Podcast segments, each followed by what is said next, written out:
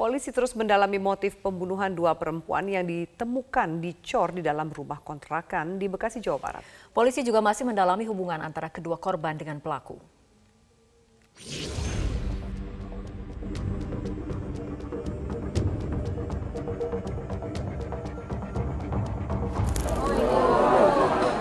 Polres Metro Bekasi Kota bersama Puslap 4 Mabes Polri berhasil mengeluarkan jasad dua wanita yang dikubur dengan cara dicor dengan semen, pasir, dan batu kerikil di dalam sebuah rumah kontrakan di Bekasi, Jawa Barat. Kapolres Metro Bekasi Kota, Kombes Pol Hengki mengatakan usai melakukan olah TKP, petugas langsung membongkar lokasi dikuburnya kedua wanita korban pembunuhan itu. Saat ditemukan, kedua jasad dalam kondisi bertumpuk di bawah tangga. Posisi ditemukannya di mana, Pak? Ya, di bawah tangga ya.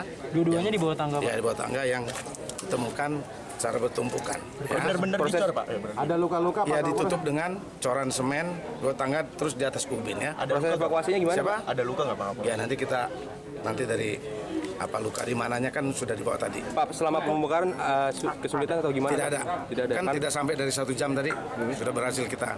Karena dia dikubur di cor itu ubin memang ubin lama di bawah tangga masih basah terus ditutup dengan coran semen dan batu kerikil ya. Kedalaman berapa, Pak? Coba nggak ada kedalaman. Artinya tidak dibikin lubang, Pak ya? Tidak. Pelaku pembunuhan diduga merupakan seorang pria berinisial P yang ditemukan dalam kondisi bersimbah darah dan tangan tersayat di lokasi penemuan kedua jasad. Namun terduga pelaku meninggal dunia dalam perjalanan ke rumah sakit. Kasus pembunuhan ini terungkap setelah suami korban melapor bahwa istrinya hilang sejak hari Minggu. Setelah melakukan pencarian, ditemukan sepeda motor korban berada di dalam rumah kontrakan terduga pelaku P. Untuk mengungkap kasus ini, polisi pun menggelar olah TKP dan melakukan pemeriksaan terhadap CCTV yang berada di sekitar lokasi. CCTV pun menunjukkan fakta bahwa pada tanggal 26 Februari atau Minggu sore, tampak dua korban berboncengan motor mendatangi rumah kontrakan terduga pelaku P. Masih dari rekaman CCTV, pada Senin tanggal 27 Februari terlihat mobil bak terbuka yang mengangkut semen dan pasir memasuki wilayah tempat tinggal P. Hingga saat ini pihak kepolisian masih terus mendalami dan menyelidiki motif pembunuhan keji terhadap dua wanita tersebut. Sejumlah barang bukti di antaranya sepeda motor korban dan senjata tajam sudah diamankan. Sebanyak lima saksi juga turut diperiksa untuk membuat terang kasus ini. Sementara itu jasad kedua korban saat ini dibawa ke Rumah Sakit Polri Kramat Jati untuk diautopsi. Dari Bekasi, Jawa Barat, Tim Liputan Media Group Network. Kita beralih ke informasi lain, kondisi korban penganiayaan yang dilakukan anak pejabat pajak Mario Dandi Satrio telah berangsur membaik. Tim dokter mengatakan David Ozora kini sudah lepas dari kondisi koma. Hal itu disampaikan tim dokter perwakilan Rumah Sakit Maya pada Jakarta Selatan. Kondisi David Ozora sudah dalam kondisi membaik usai dianiaya oleh anak pejabat pajak Mario Dandi Satrio.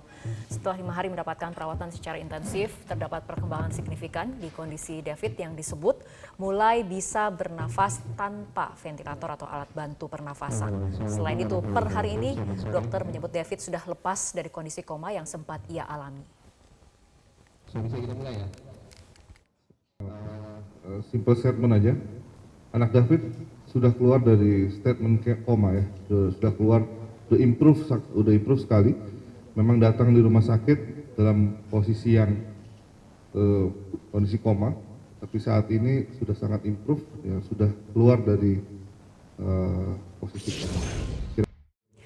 Kekasih tersangka Mario Dandi Satrio AG meminta perlindungan kepada Komisi Perlindungan Anak Indonesia KPAI. Kuasa hukum AG mengatakan kliennya meminta pengawasan serta perlindungan dalam proses penyidikan kasus penganiayaan terhadap David Ozora hingga koma.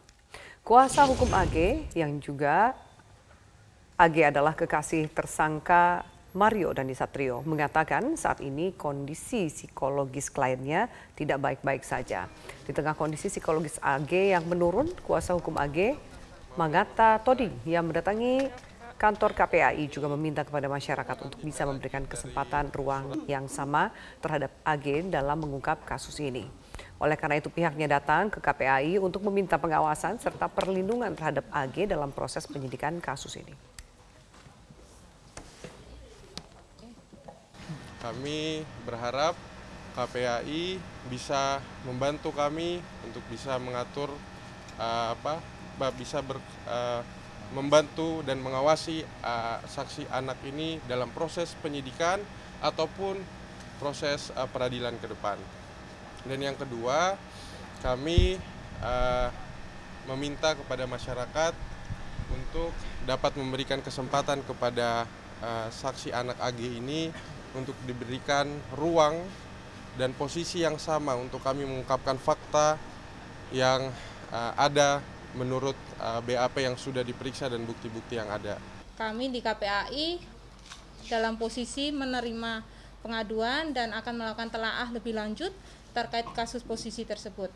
Dan uh, sesuai tusi kami di pengawasan sistem perlindungan anak, kami akan menjalankan itu dan mendorong semua pihak, pemerintah terutama seperti uh, P2TP2A, Dinas Sosial untuk berperan dalam pemenuhan hak anak. LPSK telah menerima surat permohonan perlindungan dari David Ozora, korban kasus penganiayaan oleh tersangka Mario dan Disatrio. Pada permohonannya, pihak David mengajukan permohonan pemenuhan hak prosedur hingga rehabilitasi medis.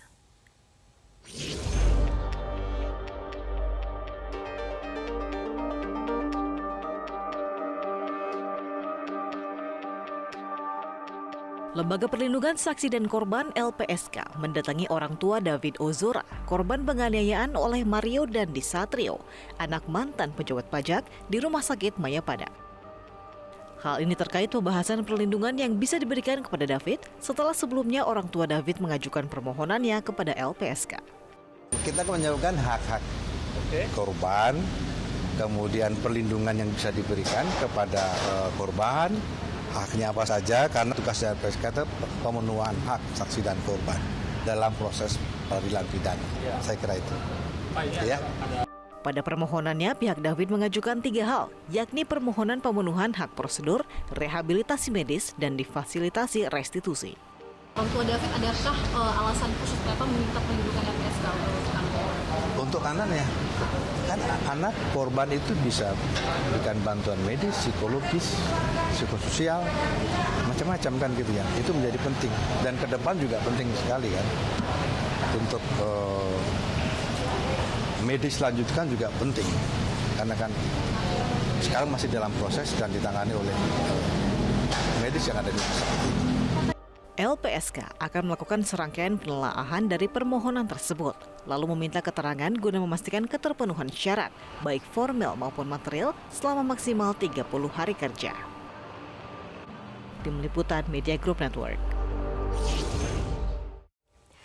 Pemirsa Menteri Pariwisata dan Ekonomi Kreatif Sandiaga Uno angkat bicara terkait mobil Jeep Rubicon milik anak mantan pejabat pajak Mario Dandi Satrio yang memasuki area Sabana Taman Nasional Bromo, Tengger Semeru, Jawa Timur. Menurut Sandi, penggunaan mobil pribadi dilarang di lokasi wisata itu. Parekraf Sandiaga Uno menanggapi pernyataan warganet tentang mobil Rubicon yang dikendarai Mario Dandi di area Sabana Gunung Bromo. Sandi meminta para pengunjung mematuhi peraturan agar tidak merusak wisata berbasis alam seperti di kawasan Bromo, Tengger, Semeru karena merupakan salah satu destinasi pariwisata prioritas yang berbasis alam konservasi. Menurut Sandi, penggunaan mobil pribadi dilarang di area itu. Maka oleh karena itu ia akan berkoordinasi dengan Dinas Pariwisata setempat untuk terus mengimplementasikan peraturan dan memberikan pembinaan kepada tour operator yang membantu turis lokal dan mancanegara di kawasan Bromo Tengger Semeru. Saya ingin mengingatkan bahwa kita mematuhi peraturan, jangan sampai kita merusak daya tarik wisata kita. Uh, dan memang sudah berkali-kali saya dikirimkan eh, gambar-gambar uh, uh, baik itu uh, mobil maupun uh, kendaraan bermotor yang uh, melintasi uh, kawasan yang sebetulnya diharapkan tetap dijaga uh, keasliannya dan kelestariannya. Berikutnya pemirsa, Menko Polhukam Mahfud MD meminta KPK memeriksa Rafael Alun Trisambodo, mantan pejabat pajak yang memiliki harta puluhan miliar rupiah. Menurut Mahfud, KPK perlu mengklarifikasi dari mana sumber harta tersebut. Hal itu disampaikan Mahfud MD usai menghadiri acara cangkrukan bersama Menko Polhukam dan Forkompimda Jawa Timur di Surabaya Selasa siang. Ia mengatakan kasus ini berjalan dengan dua proses. Pertama adalah hukum pidana terhadap anak Rafael Alun, Mario Dandi, yang melakukan penganiayaan terhadap David. Yang kedua adalah menyelidiki sumber harta milik Rafael yang mencapai 56 miliar rupiah.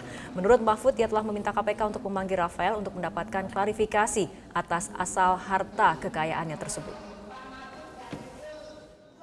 Ya bapaknya harus diperiksa kekayaannya karena kalau undang-undang kita tuh kalau orang punya kekayaan yang tidak sesuai dengan profilnya itu harus dijelaskan dipertanggungjawabkan. Misalnya saya menteri gajinya berapa sih menteri? Kalau lima tahun jadi menteri kira-kira seumpama pun harta bertambah ya 6 atau 5 miliar gitu. Kalau enam tahun bisa bertambah 10 berarti selebihnya itu harus dipertanggungjawabkan dari mana? Itu misalnya. Sama si siapa tuh ayahnya Alun ya namanya. Iya dia sejak tahun 2012 itu oleh Kejaksaan Agung sudah dilaporkan KPK untuk diteliti